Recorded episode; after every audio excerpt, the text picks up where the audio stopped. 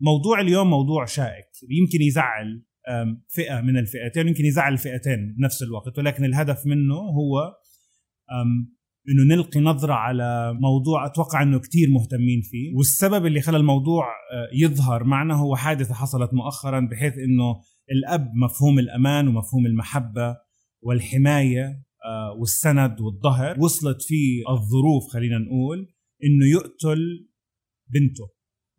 في مكان ما في الوطن العربي. فلقينا إنه لازم نعمل حلقة عن الموضوع.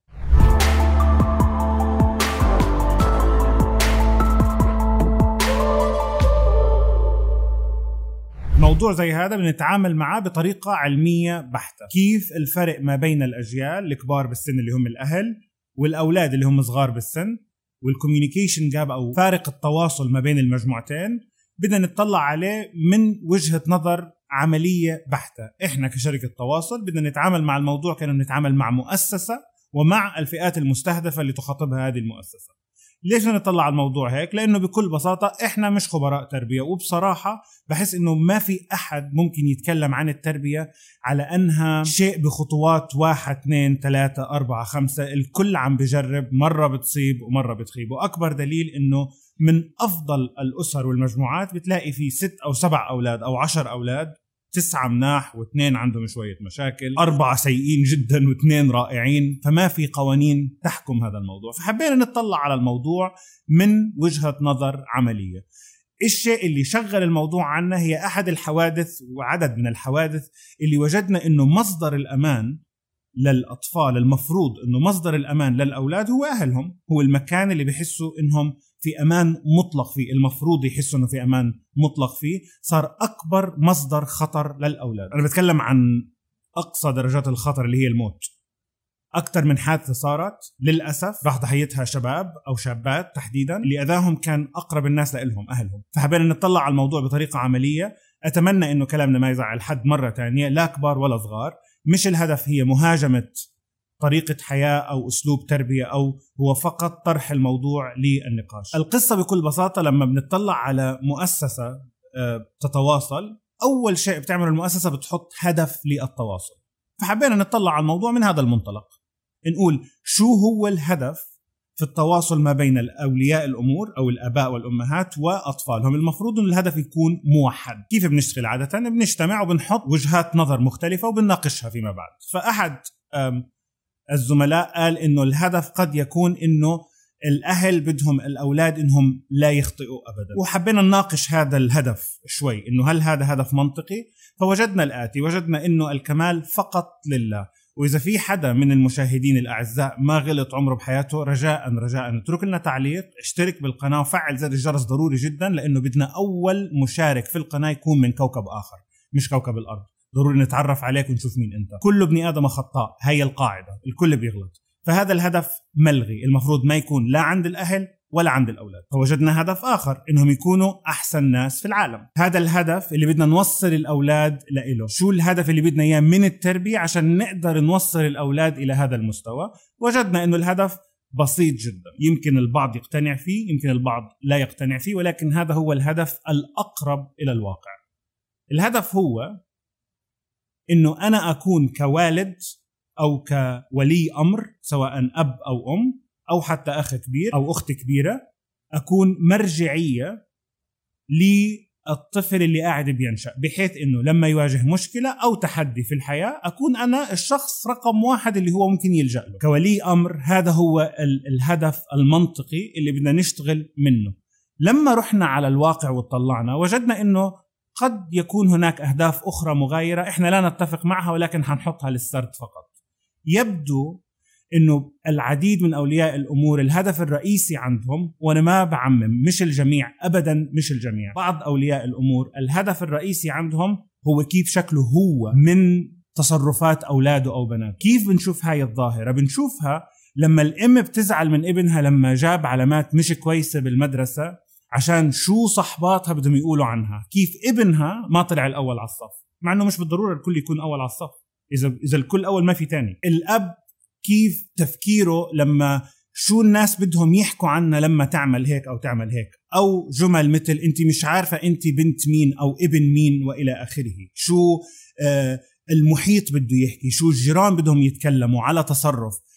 وتقريبا الهدف الرئيسي اللي هو إنه الولد ينشأ بطريقة جيدة قوية ثابتة عنده قيم وعنده أخلاق وعنده مبادئ وعنده مرجعية وعنده مكان يلجأ له لما يكون فعلا محتاج لمساعدة ودعم اختفى تقريبا. لغينا هذا ولكنه موجود ولكن لغينا هذا المستهدف. هذا المستهدف قد يكون مش صحيح أو هو فعليا مش صحيح لأنه الهدف من التربية المفروض إنه أولادك يكونوا سعداء يكونوا سويين. قادرين على العمل على الإنتاج على الانخراط بالمجتمع بشكل إيجابي وجيد بما يتناسب مع القيم والأخلاق اللي أنت عايش فيها والمحيط اللي عايش فيه. عشان الأولاد ينظروا لأهلهم بإنهم هم المرجعية رقم واحد. لأنه تذكر الولد محاط بعدد من المرجعيات. يعني مثلا اصدقائه مرجعية. ال social media اليوم مرجعية فيها كثير من القيم. المدرسة مرجعية. الحارة أو المكان اللي بيلعب فيه مرجعية. كل هاي الأمور مرجعيات. الأهل المفروض تكون المرجعية الأولى. الآن عشان أرجع لناس معينة وأسألهم عن نصائح عشان أقدر أكمل حياتي أو أتعامل مع الظروف اللي بواجهها لازم تتوفر بعض الأساسيات في العلاقة. أحد الأساسيات هاي هي الثقة. الشغلة الثانية الأمان. الشغلة الثانية إنه أكون بطلع على هذا الشخص اللي بدي أرجع له كرول موديل أو كقدوة بتصرفاته بطريقة تعامله مع الأمور بهدوء وإلى آخره. لما بنطلع على بعض العلاقات بتلاقي إنه العلاقة مبنية على خوف أكثر ما هو احترام. مبنية على إذا صار هيك راح أقطع كذا على راسك وراح أعمل وراح أسوي وراح وراح وراح وإلى آخره. وبتوصل لمرحلة إنه في بعض الأحيان ممكن تلاقي إنه الطفل بخاف من أبوه أو بخاف من أمه أكثر ما بخاف من اللي خلقه. مش لشيء ولكنه متوقع إنه العقاب نازل نازل بأي لحظة ولن ينتظر. عقاب الله بيستنى. لك فرصة وإلك تاني وإلك ثالثه بينما في, في كثير من الأحيان للأسف بتلاقي إنه الأهل ما عندهم هذا المستوى من السماح. ابدا. ولا عشره ولا واحد على مليار منه. الغلطة بجول من أول مرة. لما بتوصل لمرحلة حتلاقي إنه الطفل بالمرجعيات اللي موجودة حواليه بالطريقة اللي وصفناها فيها للأسف وأنا مرة تانية بأكد مش كل الأهل هيك. إحنا بنتكلم عن فئة بسيطة جدا من الأهل ولكن لازم نحكي فيها لأنه تأثير المجتمع عليها كبير فلازم نذكرها. سامحوني معلش. تلاقي إنه الموضوع موضوع التواصل لو بدي أقيم الطفل قاعد وراه المرجعيات اللي حكينا معها. صدقني الطفل الحالة اللي عم نحكي عنها ممكن يلجأ لإبليس نفسه يروح يستشيره بموضوع ولا يستشير أهله اللي هم أقرب الناس له تحديدا لما بتحول الموضوع من تقييم يعني أنا نفسي أفهم شيء محدد بس. فكرة إنه أب بحب ابنه أو بنته توصل فيه المرحلة إنه يلحقه ببلوك في الشارع قدام الناس ويحطها على الأرض ويضربها وهي بتصرخ وتموت وهو بيحاول يربيها بعدين يقعد ويدخن سيجارة ويشرب له فنجان شاي. ويقوم ويروح. لا عن جد حب فعلا. يعني حب بكل ما تحمل الكلمة من معنى. أنقذها فعلا. أنقذها من إيش؟ ولا إيش؟ فهي الفكرة مش انتقاد شخص أو فعل معين ولكن هي ظاهرة أنا بشوف إنه يجب التعامل معها وأتوقع إنه الموضوع هو خطأ في التواصل ما بين آه الأب والبنت الأب وبقية الأسرة الأسرة والأسرة الأكبر العائلة آه والعائلة والمجتمع اللي عايشين فيه اللي أدت إلى إنه هذا الشخص اللي مستحيل يكون سعيد بال بالاوتكم مستحيل يكون سعيد إنه يعني بعد ما خلص وروح البيت قال لك لا الحمد لله اليوم خلصنا الموضوع بنجاح. بعدين شعور بقية الأسرة يعني الأب أو الأم هي فقدت بنت وزوج. آه طب تزعل على اللي ماتت ولا تزعل على اللي قتل ولا اللي حيروح؟ والأولاد أختهم وأبوهم موضوع جدا معقد ويكاد مش موجود. حاولنا نبحث عن مخلوقات أخرى ممكن تعمل هيك ما, ما لقينا. فعلا ما لقينا. ولكن شيء فعلا فعلا غريب. والغريب في الموضوع إنه باسم الحب والأمان. هذا الحوار للأهل. في حوار آخر للأولاد. مش معنى كلامي إنه أنت صح أو أنت صح. أو هو خطأهم لا يعني أو خطأ تصرف بعض الأهالي لا يعني إنه الأولاد صح. الأولاد يفتقروا إلى الحكمة والخبرة والدراية والمعرفة بأمور الحياة. وعندهم كمية كبيرة من الحيل الواسعة آه، اللي ممكن يلتفوا فيها حول التوجيهات اللي بيطلعوها الأهل في عديد من الأحيان واللي أغلبها كلها وإذا مش كلها أغلبها لأنه الكمال لله. أغلبها في مصلحة الولد. لما بيقولوا لك ادرس عشان مستقبلك لما بيقولوا لك ما تعمل عشان خايفين عليك. لما بيقولوا لك ما تكمل في هذا الطريق لأنه عارفين الطريق هذا يؤدي إلى أين. آه، ومرات من خوفهم عليك ممكن يتصرفوا تصرفات مش صح لأنه الكمال لله. ولكن في مبدأ صغير بدي أحكي عنه هو الحب الغير مشروط. الحب الغير مشروط هو حب يتوفر فقط فقط بين الأهل والأولاد. ما في أي مكان آخر له سوى بين الأهل من طرف الأهل للأولاد وغالبا في اتجاه واحد. فلازم تكون على يقين إنه أهلك بحبوك حب غير مشروط ما بدهم شيء.